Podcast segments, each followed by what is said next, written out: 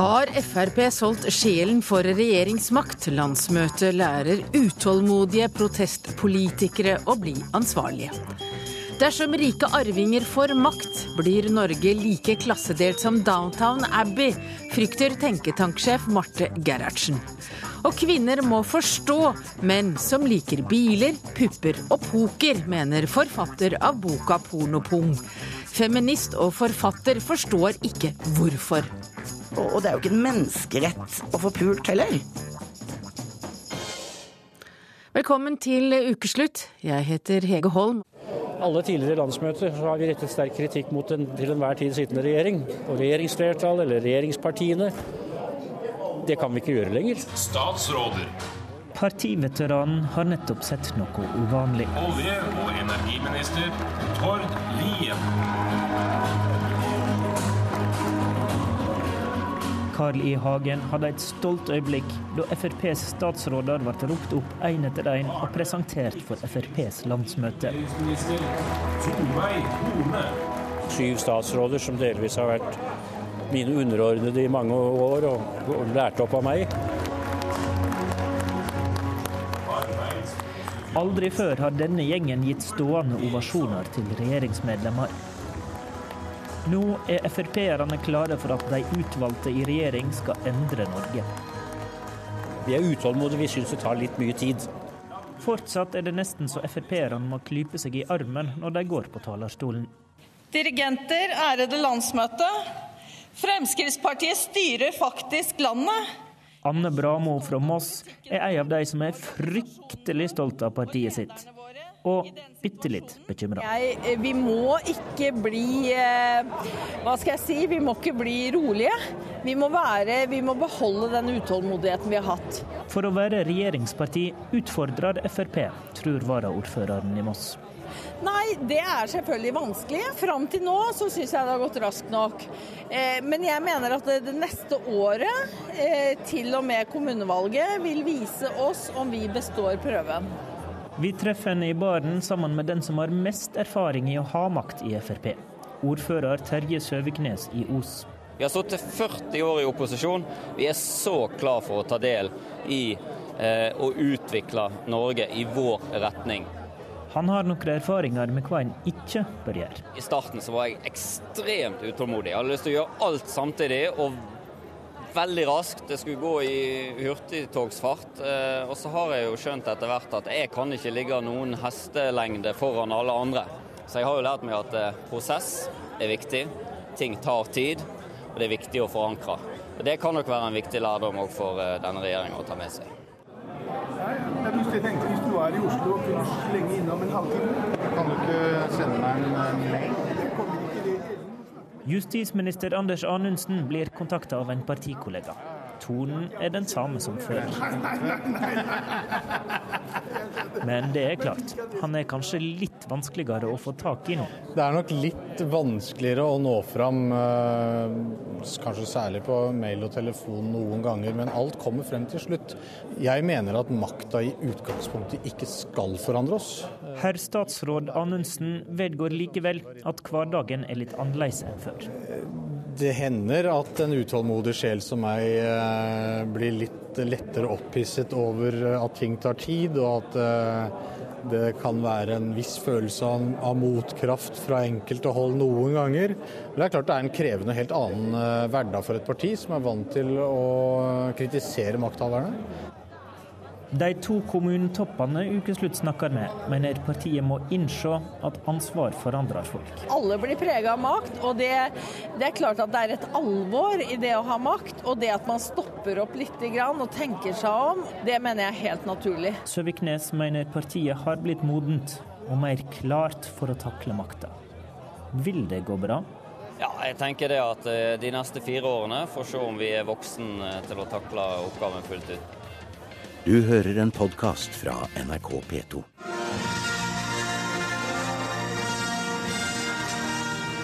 And there's plenty of money.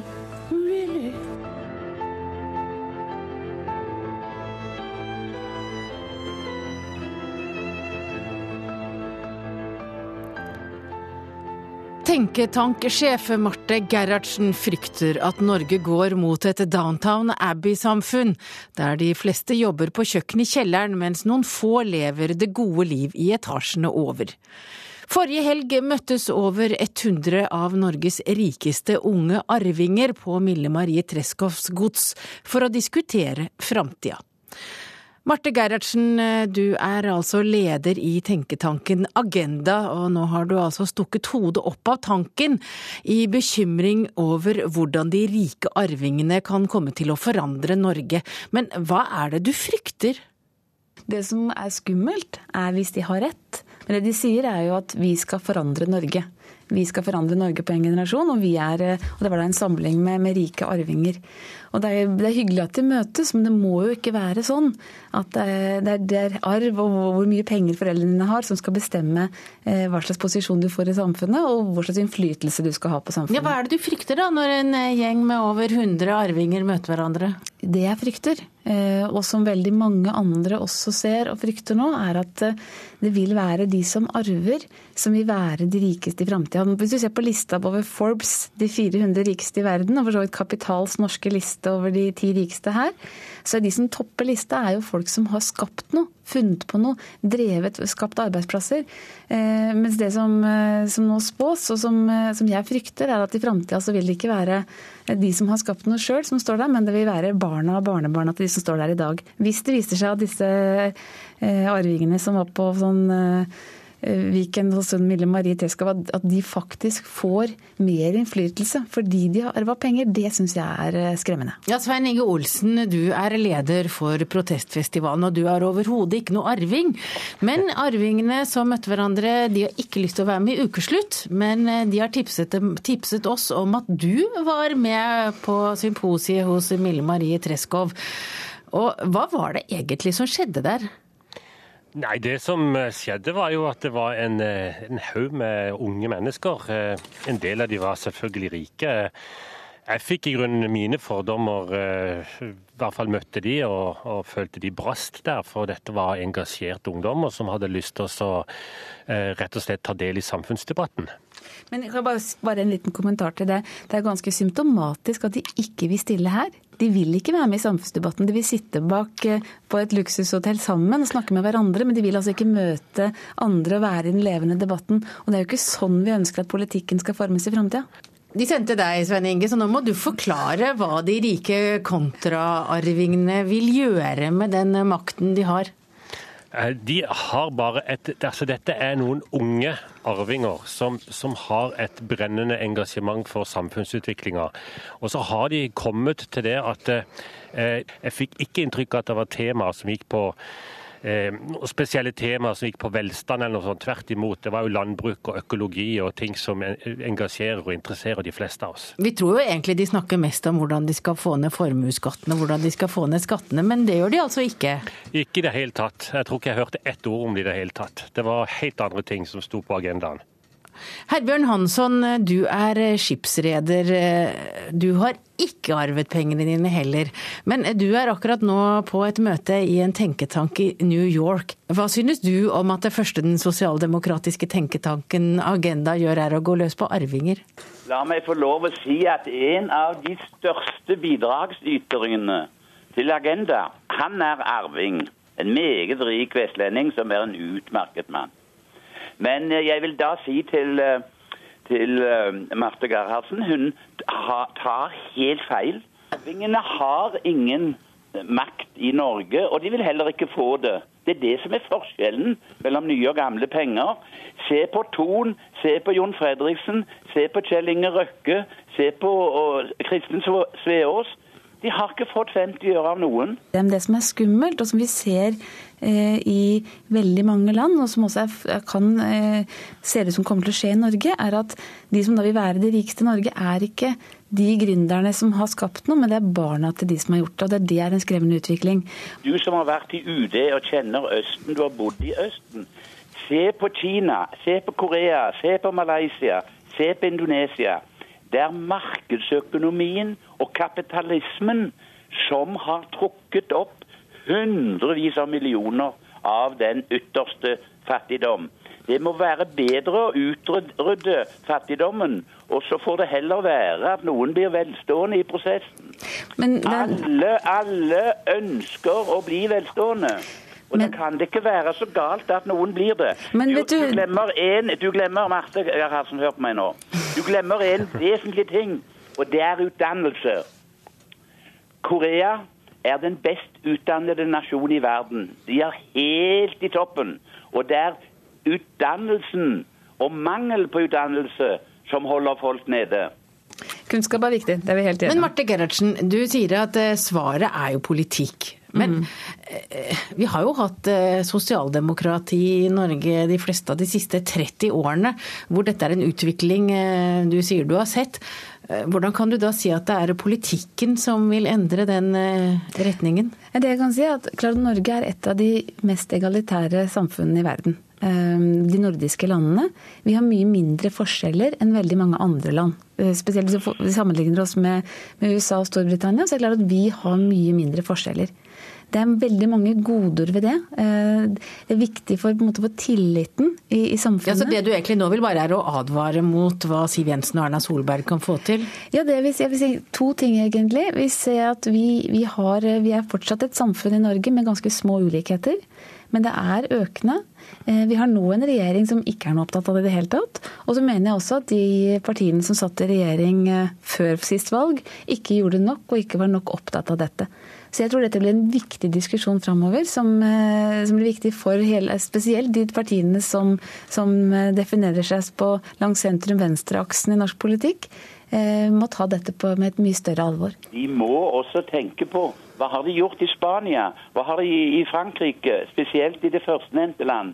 Der er det 40-50% av ungdommen som er arbeidsledige. Og det er eh, dine meningsfeller, Marte Gerhardsen, som har i hovedsak stått bak den politikken. Det er etter mitt skjønn alarmerende. Og så snakker vi så flott om den norske modellen. Og den norske modellen er at vi har olje. Det er det som er den norske modellen. Dere politikere må stimulere arbeid, dere må gi folk insentiver. Dere må la folk få anledning til å bli velstående. Er det greit at det er forskjell på folk, Marte Gerhardsen? Jeg er ikke for at vi skal ha lik lønn til, alle. Altså jeg, jeg, tror det, er, det vil naturlig være forskjeller. Men, men eh, jeg tror det er viktig Eh, i et samfunn at forskjellene ikke er for store. Jeg tror det er viktig at vi har en del fellesarenaer der alle møtes, eh, og at vi er for å måtte holde oss sammen som ett samfunn. Marte Gerhardsen, du har selv en lønn på 1,3 millioner kroner for å tenke på likhet. Og barna dine de blir nok eh, trolig en dag ganske rike arvinger. Hva er galt med det? Ja, nå er ikke jeg, jeg er ikke i den ligaen i det hele tatt. Jeg er, jeg er heldig å ha en, har en, god lønn. Men det vi snakker om her, er jo på en måte de som virkelig drar fra i samfunnet. Altså de som er de, de rikeste, og som, får, som, forvalter en stadig større andel av, den, av, fellesskapets ressurser. Så jeg føler meg nok ikke helt i den ligaen der. Men mange vil vel si at du har arvet makt? Jeg har jo da brukt eh, veldig store deler av mitt voksne liv på å jobbe helt andre steder enn politikken. Nettopp fordi jeg har det navnet jeg har, og fordi det har vært viktig for meg å være på andre arenaer hvor ikke, hvor ikke navnet har vært viktig. Da jeg var i Indonesia f.eks., var det ingen som hadde hørt om Einar Gerhardsen, så det var helt irrelevant. Eh, og da jeg jobbet i, nå i tre år i DNB, så var det jo selvfølgelig resultatene og hva jeg leverte på bunnlinja som var viktig, og ikke, ikke hva jeg het. Hvorfor var det dette som var den første diskusjonen du tok i det offentlige rom? Fordi jeg syns den er viktig. Jeg syns ehm, det handler om hva slags samfunn vi ønsker oss. Eh, og da er det viktig å ta tak i sentrale utviklingstrekk og se hva er det, er det dette vi vil. Jeg tror veldig få av oss ønsker seg et, eh, et samfunn som, som, ligner på Downton Abbey, for å bruke den parallellen med, med en stadig Alle vil vi nok i et sånt samfunn hvis det er vi som går i fine kjoler og gjør nesten ingenting. Men det, det, blir så fryktelig få som får være med på den. Så jeg tror nok at, eh, at det er Jeg tror det er en, en, en, samfunnsutvikling som veldig få ønsker seg. Og at det, det er viktig at vi tar, tar tak i det se på det og se hva er det vi da Hvis vi ikke vil ha det sånn, hva er det vi må gjøre? Og Det er en debatt som Agenda skal være aktiv i framover. Og den er nå startet. Takk til deg, Marte Gerhardsen, leder i tenketanken Agenda. Takk også til Herbjørn Hansson og Svein Inge Olsen. Denne uken samlet mange seg under paroler om krav om arbeid til alle i 1. mai-tog landet over. Og samtidig pågår debatten om kvinner deltid, og gleden ved å ta på seg et fint forkle stelle hjemme for mann og barn. Og det har provosert skribent Eline Garmaker. Hun vil sende alle kvinner ut i arbeidslivet for å holde liv i det moderne Velferds-Norge. Og som svar på det har Astrid Gunnestad kalt Garmaker for ei ufyselig kjerring. Og Astrid Gunnestad, du er tidligere redaktør, skribent og du er programleder i P4. Hvorfor har du kalt Eline Garmaker for ei ufyselig kjerring? Fordi at hun går altså løs på de, altså deltidskvinner, eller kvinner som velger deltid med kanoner. Og så må jeg si en ting om eggene, og det er litt morsomt. Det er fordi at der sier vi jo de frykteligste ting om alle mulige mennesker. Og vi har holdt på i syv år, og Eline er jo den første som har begynt å sutre, da vet du. Men nå håper hun vel å få en slags offerrolle pga. det der der. Men altså, hør nå her at kvinner må få lov å velge selv. Det er mitt tema. Og det er jo så mange i dette landet, faktisk altfor mange, som gjerne vil ha fulltid, som ikke får det. Det er slik at eh, de annonsene som går ut, bare i år så er 50% av dem er ute efter folk som vil ha deltid. Og da spør jeg meg selv, er det noen som sitter i organisasjoner og bak der og ønsker deltidsarbeidene? Og det tror jeg faktisk at jeg kan gjette på hva årsaken er til. Ja, Eline Garmaker, du er tekstforfatter i Reklamebyrå, og du har kastet deg ut i debatten for du mener at kvinner bør bidra 100% med arbeidsinnsats. Hvorfor er det så viktig? Jo, det er viktig fordi at vi er kommet til den situasjonen at vi ikke lenger låner demokratiet vi har i Norge, vi eier det. Og vi står i en situasjon hvor vi nærmer oss en tsunami av en eldrebølge. Og jeg ønsker også for den kommende generasjonen at de skal kunne få dra nytte av et solid velferdssamfunn som vi har i dag. Og det kommer ikke helt av seg selv. Vi er nødt til å bidra alle mann. Og alle norske friske voksne burde bidra. Men det er jo helt fantastisk vet du, at du går løs på akkurat de som velger deltid. Fordi det er alle de andre, og du sier ikke et skvatt om dem. Tvert imot så kommer du med de grusomste beskyldninger. Du sier at de begår ran, de er en fornærmelse. Hvem søren mot da? Mot deg personlig. Og du, du sier at de rapper fra andres matpakke. Så du har altså et sånn frontalangrep på disse stakkars damene som faktisk er en veldig sårbar liten gruppe som er lavt lønnet, og de blir kritisert av deg og sånne som Bratten og for øvrig Geir Kristiansen i LO. Men du regnet vel ikke med at denne lille sårbare gruppen skulle forsvare seg, for det gjør de nemlig aldri. De blir ikke invitert til NRK, de blir ikke invitert til media. Og du regnet ikke med at noen ville så opp for dem, for det er det ingen som gjør. Derfor gjør jeg det. Men nå er det faktisk sånn at den kronikken jeg skrev, det er et svar til Forkleaksjonen. Nei, jeg så du skrev ufattelig mye om forklær og kopper og hva det var for noen ting. Men du tok ikke opp en eneste gang, til tross for at du sier at du bryr deg om Det sa du i det innlegget i VG, så sier du at du bryr deg om dem som vil ha heltid. Du hadde bare ikke plass til å si det, men du hadde plass til alt mulig annet. Du verden så lang den artikkelen var. Ja, men nå er det jo sånn at man forholder seg til kanskje én sak av gangen. Og akkurat denne gangen her så valgte jeg å svare Forkleaksjonen, som er da eh, som jobber for det å likestille hjemmeværende arbeid med å jobbe i arbeidslivet. Og det å øke aksepten for det. Én ting er de som er hjemme i dag, en annen ting er om dette her skal bli et større eh, omfang. Ja, men der burde det begynne der hvor det var viktig. Altså, Kvinner i Norge tjener 15% mindre enn menn, og det er disse damene som jeg snakker for, som faktisk trekker ned statistikken. Det er det ene. Og det andre er at de er altså de, de, ja, nei. Men da syns jeg du skal skrive en kronikk om det, Fordi det har ikke jeg skrevet om akkurat nå. Men du, la meg svare. Fordi det her er jo snakk om en bevegelse. Det er et ønske i samfunnet om å være mer hjemme. Det er der det går i. Og det er noe med det, og hvis man meler sin egen kake litt for mye, så er det ikke noe kake igjen. Vi er nødt til å innse at vi er en del av samme organet Norge, og vi driver sammen et land som går faktisk ganske bra. Og vi har så mange goder i Norge som vi er opptatt av og gjerne vil beholde. Og hvis vi skal kunne gjøre det, så er vi nødt til å bidra hele gjengen. Og det skal ikke være sånn at jentene kan liksom velge å Nei, du skal velge for dem, vet du. Du tillater ikke. Du krever rett til å bestemme dem, ak- for dem, akkurat som patriarkatet gjorde for 100 år siden. Og det syns jeg er helt ufyselig. Men Eline Garmaker, du, er jo, du etterlyser jo søstersolidaritet når Astrid Gudestad går løs på deg og argumentene dine. Hvorfor det? Det er jo rett og slett fordi at det er ganske kvelende for en frisk debatt å slenge inn søstersolidaritetsbegrepet eh, hele tiden. Det blir jo eh, på lik linje som at det ikke går an å diskutere eh, det å være foreldre uten å bli kalt en dårlig forelder, eller integreringspolitikk uten å bli kalt rasisme. Det er et utrolig billig kort som har en tendens til å avlive enhver debatt. Og i Norge så er vi 50% kvinner. Vi skal være uenige. Det betyr at vi er med og bidrar til dialogen i samfunnet. Og da er det faktisk viktig at vi ikke er hverandres troll, men heller Ja, men Da er burde du enige at vi slutte å være det. En annen ting er at jeg refererte i den sammenheng til det i 70-åra, og da ville det aldri falt inn noen kvinne å gå ut mot en liten sårbar gruppe med dampervalg, sånn som du har gjort. Ja, men jeg har, Ja, deg, altså, nå er det faktisk ikke sånn at alle deltidsarbeidende damer i Norge er så dårlig stilt. Jeg vet om veldig mange som eh, har ganske så god økonomi, bedre enn de aller fleste. Og du misunner dem, da? Nei, det gjør jeg ikke, men jeg syns det er ganske påfallende at, de stakkars, at du stakkarsliggjør de så innmari, de som er deltidsarbeidende, for det er gjerne også motsatt. Hvorfor syns du du har rett til å bestemme hva de kvinnene skal gjøre? Hvorfor syns du det?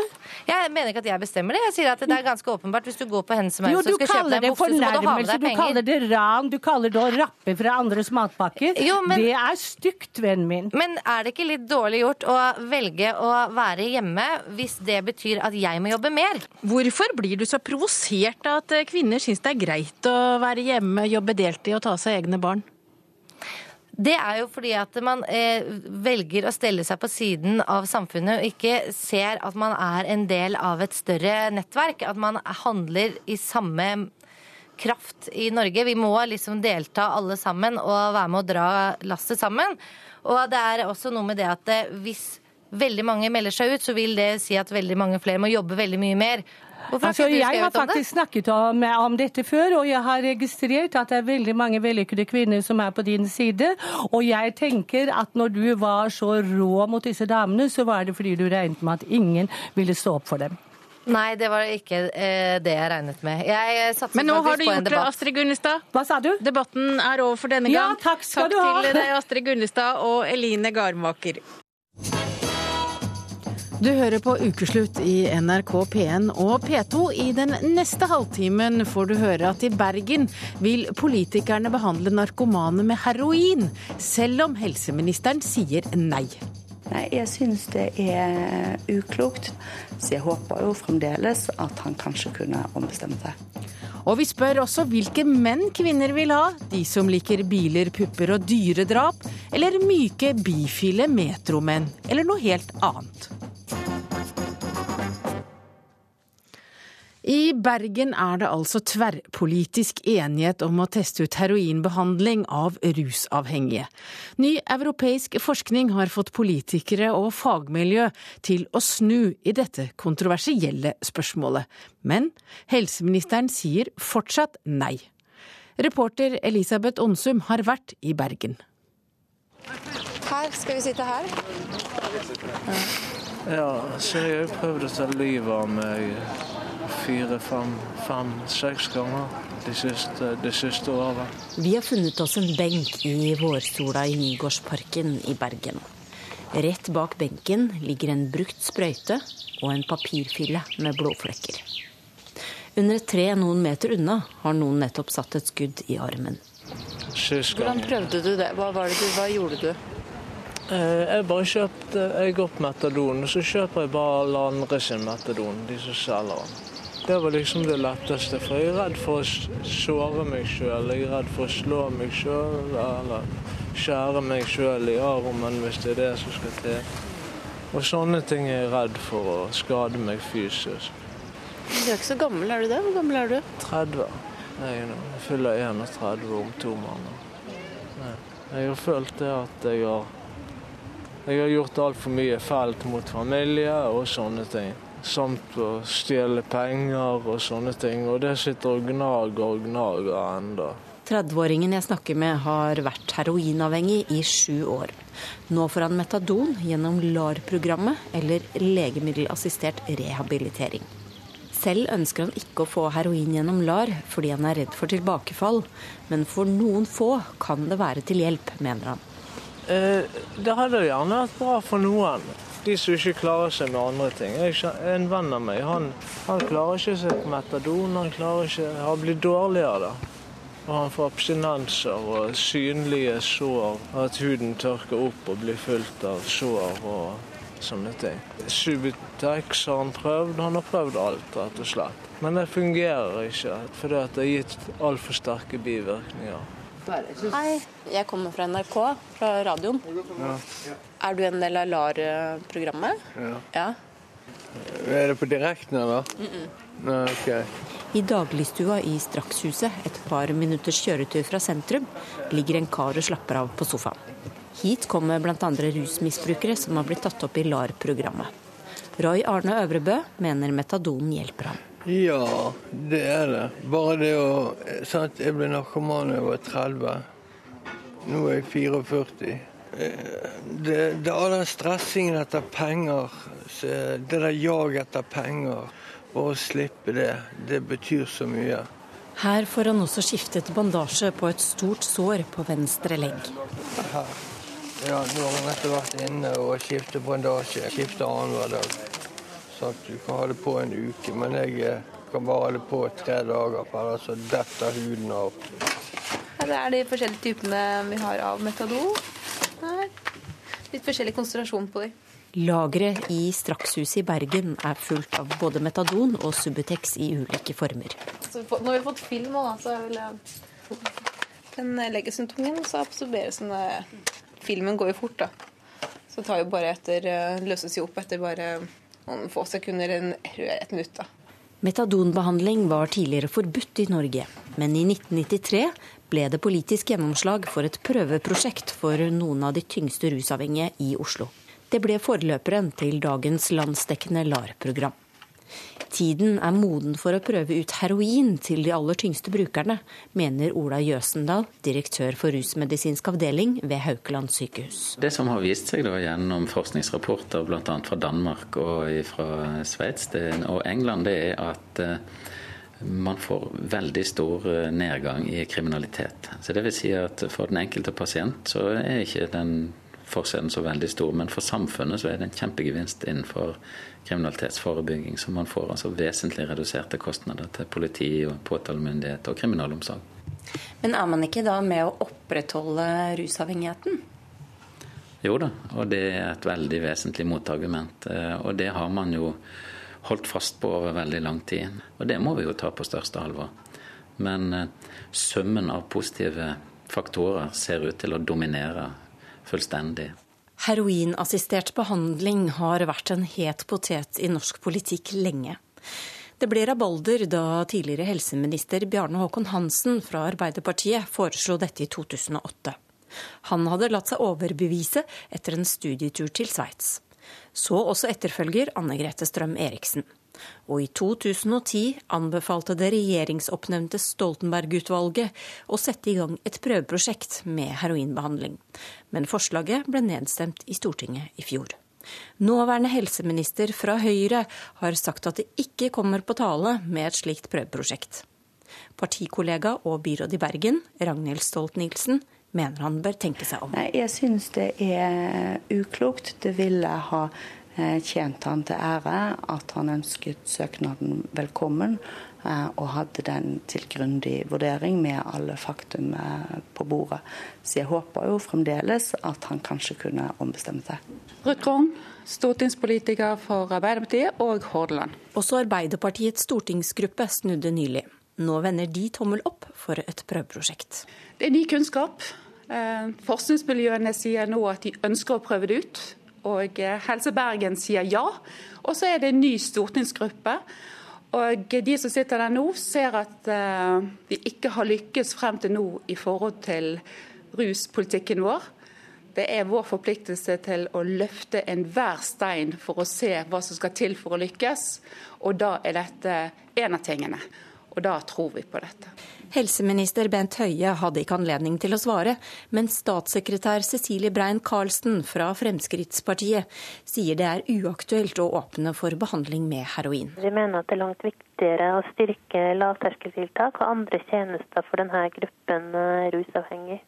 Betyr det at dersom det skulle komme en søknad eh, på bordet hos helseministeren, eh, så er konklusjonen nei på forhånd? Ja, det er riktig. Det er ikke aktuelt for oss å gå inn for heroinassistert behandling på nåværende tidspunkt. På en av byens kafeer møter jeg to som har forlatt miljøet i Nygårdsparken etter mange års heroinavhengighet. Jørn Andresen forklarer hvordan det er å ha abstinenser, eller såkalt daudsjuke. Det kribler i skjelettet, f.eks. Du har maur i skjelettet, eh, i, i, eh, i, musklene, så du sitter og slår og spenner i vegger og, og sånn som det der. Eh, og alt blir det utrolig tungt. Bare det å ta på seg joggebuksen, for å si det sånn, det er et ork uten like. Og det å når du er dårlig, eh, å få vann på kroppen. Det høres helt sløvt ut, men sånn er det. Eh, liksom å komme seg i dusjen og sånn som så det der. Når du får vann på kroppen, det er så jævla ekkelt. Det er skikkelig eh, ubehagelig. 34 år gamle Kim Jørgen Arntvedt har fått livet i gave flere ganger. Så jeg har vært klinisk død mange ganger og blitt gjenopplivet og hatt masse overdoser. Så når jeg søkte om metadon, så fikk jeg det på rekordtid pga. alder og antall overdoser. Arntvedt mener han ville hatt bedre nytte av heroinbehandling enn av metadon. Eh, heroin den eh, fjerner bl.a. angst. Metadon den eh, hjelper deg bare til å holde deg eh, frisk. Dvs. Si at lukkemuskler eh, fungerer, og at du eh, at ikke du har abstinenser. Men, eh, men nerver og, og, de tingene der, det blir faktisk bare verre jo lenger du går på metadon. Meg og, og mange andre har jo, har jo, begynt å ruse seg på heroin pga. at vi har hatt som sagt, traumatiske opplevelser når vi var liten, og, og, og har mye eller problemer med nerver og har hatt det i mange år. Og endelig fant vi noe som, som fjernet det, og som hjalp mot det, og det var heroin. Hvis man begynner å gi folk heroin som en del av behandlingen, er ikke det et tegn på at man har gitt opp? Jeg føler heller at det er et større tegn på at vi har gitt opp de som sliter i dag. Når ikke vi engang vil prøve å hjelpe dem med alle midler vi har mulig, og når det er dokumentert at det er effektivt i store deler av eh, ja, Europa i hvert fall. Du hører en podkast fra NRK P2. Nå skal det handle om menn. Han er en ekte mann. Han har skjegg. Han har hår på brystet. Og så har, og så har han noe mellom bena, som er en pikk. Sånn rett ut av liksom. det. Det er en mann. En ekte mann? Eh, Nei, det er en som er uh, trofast og ærlig, og en som kan uh, passe på en. Sånn som meg. Blid og hyggelig. Noen er flinke til å snekre, og det er veldig bra, men det er ikke jeg. Så da tyr jeg til kompiser. Myk, men likevel uh, bestemt og litt rå. Må utdype det? jeg liker at jeg er mannlig sterke, dominerende, handlekraftig, som gjør som jeg vil. Ja, det er mange meninger om eh, hva slags menn en moderne kvinne egentlig vil ha, og den debatten går. Først og startet forfatter Mats Larsen å angripe ukebladet Vi Menn for å lage et blad for mannemannen som ingen ville ha, nemlig han som liker raske biler, pupper dyredrap og poker.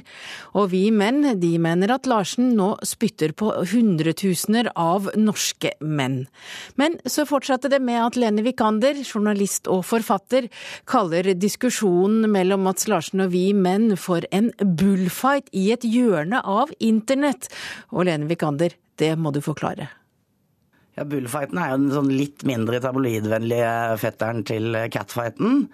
Og, og, med det mente jeg at det sitter liksom to karer der og diskuterer eh, noe som kanskje egentlig ikke eksisterer. Altså en sånn fiktiv mannsrolle som, som Vi hørte jo i, introen her også at, at uh, er jo, meningen er jo svært delt om hva en ekte mann er, men de liksom a priori går ut fra hva noe som er en mann. Nærmest biologisk forankret, og så går de i krig der, da. Mens Mats er opptatt av at liksom mannen ikke skal bli ikke populær hvis han skal holde seg på de huleboerverdiene som vi menn liksom skal skal selge ut. Eh, for da får de rett og slett ikke pult, og det er den store krisen. Ja, Mats Larsen, du er forfatter, og det er du altså som har tatt for deg Vi menn.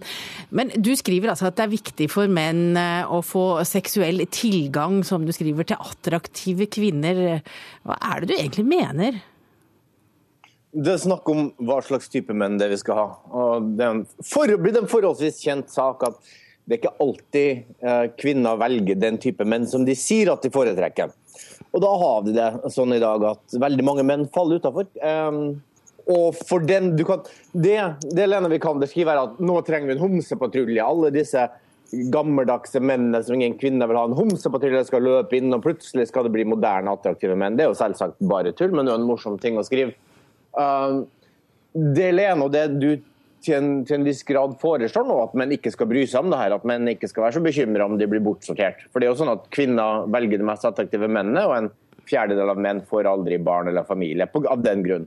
Og Da kan man jo si til det da, at de bare skal henge på bar med gutter og kaste på hår og være myke håndledde, men menn som, ikke, menn som blir bortvalgt av kvinner, av moderne kvinner, de, de føler seg veldig mislykka. Du kan liksom ikke bare si til dem at de skal leke homse. Ja, jeg Hæ? liksom. For det første det med en homsepatrulje, så, så brukte jeg det poenget for å illustrere at liksom igjen dette her med at man snakker om menn og kvinner som en sånn form for statiske størrelse som har vært fra skapelsen til i dag, og sånn vil det alltid være, osv. Så, videre. Eh, så er det jo noe med at, at, Og jeg ser i debatten som liksom følger opp da i kommentarfeltet under den, disse ytringene på NRK Ytring, at, at, eh, Hva er det liksom de snakker om? Er det det at Hvilke attraktive kvinner? Det er jo kvinner som liksom andre menn har lært at er attraktive. ikke sant? Det er sånn evig spill om. Og så sier de ja, men hun vil jo bare ha oss til å bli homser og sånn metroseksuelle menn og sånn som fordi alle vet jo at homofile menn er mer som kvinner. Og homofile menn er jo ikke mer som kvinner i det hele tatt. Det er jo akkurat like mye menn som heterofile menn. Nettopp derfor tenker jeg at det er å kaste det rundt og begynne å se hva med å se på sin egen mannsrolle. Hvorfor skal du definere deg som mann i bare i forhold til andre, altså i dette tilfellet kvinner? Og, og, og hvordan kan du få din egenverdi kun ut fra hvem du liksom ligger med, og, og din attraktivitet som kjønnsobjekt?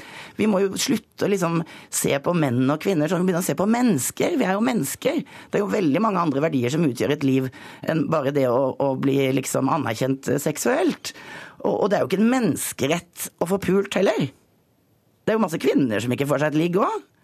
Det er jo ikke verdens undergang. Du kan ha fullt meningsbærende liv eh, for det. Jeg er jo selvsagt helt enig i alt det Lene Vikander sier her. Disse mennene som definerer seg på denne måten, er jo bare trist. Det er jo patetisk. Det er ingen som liker dem, det er ingen som har solidaritet med dem. Uh, men i motsetning til Lene så forstår jeg dem, og det er det jeg prøver å formidle her.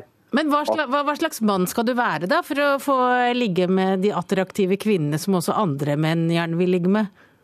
Jeg syns det er akkurat i sammenhengen her er rivende irrelevant. Jeg syns ikke, ikke, det har noen interesse. Det bryr meg ikke om disse mennene får ligge med noen kvinner eller ikke. Men det jeg gjør i det innlegget som jeg har skrevet på NRK, at jeg forklarer hva konsekvensen av dette blir.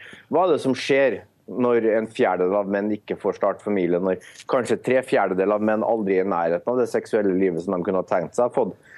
Uh, kvinner som Lene Vikander, dvs. Si de aller, aller fleste kvinner, de har ingen forståelse for det. De forstår ikke hvorfor i all verden disse mennene insisterer på å skulle ha sex disse mennene en byrde, de har en verdiløs seksualitet. Hvorfor kan de ikke finne aldri andre kriterier å definere seg etter? Jeg skulle ønske de fikk det til. Jeg skulle ønske jeg kunne gjøre noe for å hjelpe dem til det. Men, men hva, hva, er løs... det forstår ikke Lene. Men Hva er løsningen da, Mats? Skal liksom kvinner stille seg opp og gi de seksuell tilgang? Selvfølgelig ikke. Hvorfor skal vi hjelpe disse mennene? Hvorfor i all verden skal vi bidra på noen som helst måte til å hjelpe dem? Jo, men det, altså, er, det, jeg nå, det, er, det jeg gjør nå, det er å prøve å forstå dem. Jeg prøver å for- forklare hvordan den typen menn er, hvordan livet deres opplever, og hvordan det her er for dem. Nå vil jeg bare ha sagt at redaktør Alexander Øystå i Vi Menn han er invitert til å komme i ukeslutt, men han har altså takket nei og mener at han har sagt sitt på NRK Ytring, bare så det er sagt.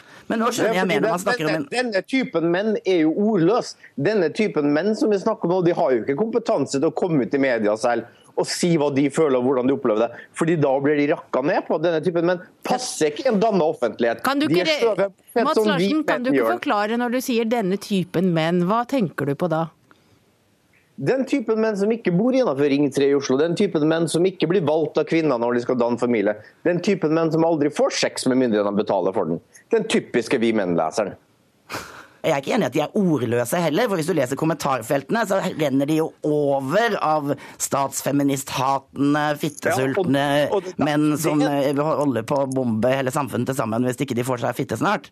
Ja, og En av grunnene til at jeg fortsatt bryr meg om den tematikken som jeg skrev en bok om for over ti år siden, det er jo at dere andre ikke forstår det her. Dere forstår jo ikke. Jeg, jeg, jeg beit meg så godt merke til for et par måneder siden Marie Simonsen. Hun forsto ikke hvorfor disse mennene kom med disse store bokstavene som ropte etter henne. Hva det er med disse mennene.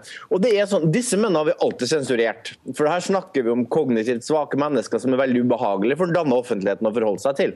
Så I media så stengte vi dem borte. Vi hadde ingen interesse av å høre på dem. Vi var kun interessert i å fordømme dem og skyve dem vekk i et hjørne. Men nå med internett så har alle tilgang til uttrykk som er så ubehagelige og ufine som de vil. Og da går disse mennene da rundt på kommentarfeltet og spyr og, og, og slenger rundt seg med hat. Og det kan vi gjøre noe med. Det er en utvikling hvor disse mennene kan, kan endre seg og, og bli tatt inn i samfunnet på en måte. Men der er vi avhengig av at kvinner forstår det først. Og når dere sitter sånn som dere sitter og sier ja, men hvorfor skal jeg fitte? Hvorfor kan det ikke være mer sånn som Homsepatruljen? Så er vi ganske langt ifra det. Men det ordner seg. Unge kvinner forstår det her mye bedre. Det tror jeg ikke. For det er jo noe med at Problemet er jo Det er greit nok hvis vi kan kalle denne gruppen menn da, som du du refererer til, som jeg sjelden ser, eh, som en slags sosialt handikappa gruppe mennesker. Eh, Og da kan vi jo ta debatten videre på et eller annet nivå. Men Ja, men det det er når de får lov til å gjemme seg bak dette med at de er ekte menn, at de er på en måte den siste mohikaner her, at de holder fast i en kjønnsrolle som på en måte er noe biologisk gitt, det er da vi er helt feil ute å kjøre. For kjønn er i veldig stor grad en sosial konstruksjon. Ja, men det er fordi du kommer fra en viss generasjon og kanskje har brukt litt for mye tid på blinderen at du syns det, men det er helt OK. Verden går videre fra det. Men Mats men grunnen til at det her ikke gjelder et, en liten subgruppe av nedprioriterte menn utenfor Ring 3 med lave kognitive evner, er for at alle menn blir behandla på den måten. Hva er løsningen? Hvordan skal vi hjelpe disse gutta? Løsninga, slik jeg ser den, er for det første så må flere og flere forstå hvordan forholdet mellom menn og kvinner er. Hvordan det oppleves å være en mann som alltid blir møtt med det kvinneblikket som krever at du har bra nok status, at du klarer å hevde deg i et samfunn. At du er en av de apekattene som de skjenker oppmerksomhet, og ikke en av disse taperne som de skal tråkke på for å øke sin status. Neste steg er å forklare til disse mennene fra en posisjon av autoritet at din seksualitet er verdiløs, og det må dere godta. I samfunnet så er det ikke slik vi har fortalt dere at menn og kvinner er like mye verdt, og at dere kan få det samme som kvinner kan få. Deres seksualitet er verdiløs, og dere må oppføre dere deretter. Når vi så har begynt å ta inn over oss realiteten av hvordan situasjonen er i dag, så kan vi se OK, så det er slik det er. Hvordan vil vi heller ha det? Og så kan vi bevege oss i den retninga. Vi forbinder det gjerne med fuktige utdrikningslag eller kickoff med jobben, men paintball er også en konkurranseidrett som mange har mange aktive medlemmer, og nå vil de gjerne få støtte fra staten på lik linje med andre idretter. Om hva for noe? Om jeg kunne stilt et spørsmål om paintball? Trengsmål? Vet du hva paintball er? Ja. Paintball er eh, en gjeng som skyter malingskuler på hverandre på en vane eller rundt omkring i skogen. Hva forbinder dere med paintball? Smerte. Moro. Ti sekunder!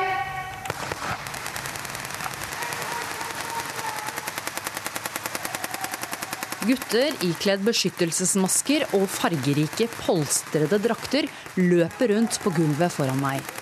Fingrene går lynraskt over avtrekkerne. Paintball er idretten der deltakerne ryker ut etter hvert som de blir truffet av malingkuler. Men i dag brukes gummiballer, og da heter det reball. Ja, det her er en sånn paintball-markør. Det det er den man skyter med. Men for at den skal fungere, så må man koble til en tank som er fylt med luft. Og så et magasin da, som mater ball inn i markøren. Håkon Skjønnart Westgård er 16 år, europamester i U19 og trener ofte i idrettshallen på Rønholt skole i Bamble kommune. Har du pack, Henrik?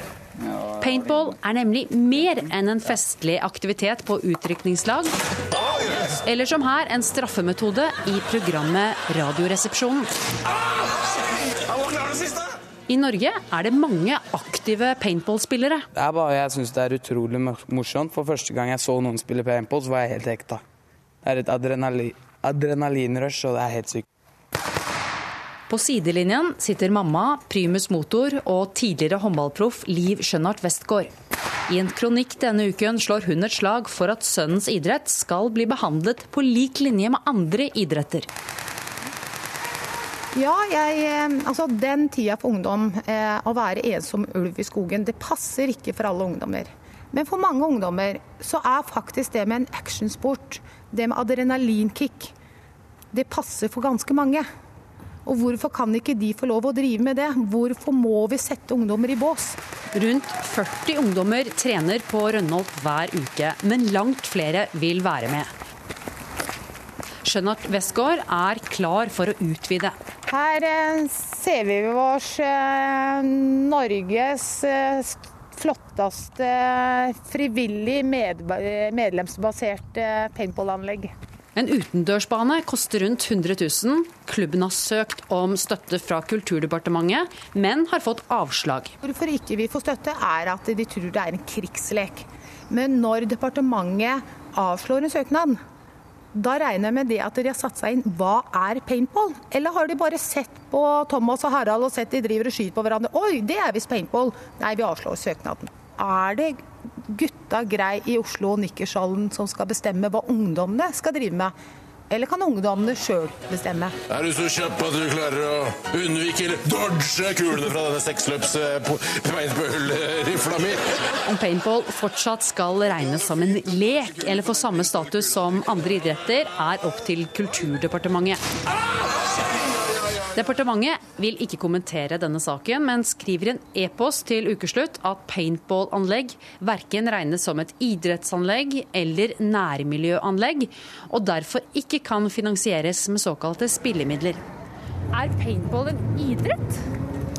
Ja, ja kanskje en ekstremsport. Et spill. Et spill? Nei, det er det ikke. Betyr det at du ikke mener at det bør få økonomisk støtte til sine idrettsanlegg, slik som fotball og håndball? Nei, det er mer hygge. Moro. Samme som sånn eh, forskjellig skytelaser og sånn. Det ja. Burde det få støtte på lik linje med andre idretter til sine anlegg osv.? Ja, det syns jeg. Nei. Nei, det burde du ikke. Nei. Hvor, hvorfor ikke? Fordi altså, Det er jo på en måte bare en arena der folk liksom møtes for å bevise sin maskulinitet og gjøre hverandre vondt. Hva hvis jeg sier at det finnes et stort paintball-miljø i Norge som konkurrerer internasjonalt, og at det er veldig mange unge ungdommer som trener hver uke? Ja, da kan de melde seg i hæren eller noe sånt, jeg vet ikke. ja, der fikk reporter Ingvild Edvardsen mange kreative forslag. Ukeslutt er over. Ansvarlig for eh, sendingen har vært Kari Li. Det tekniske har Beate Haugtrø tatt seg av. Jeg heter Hege Holm og ønsker dere en riktig god helg.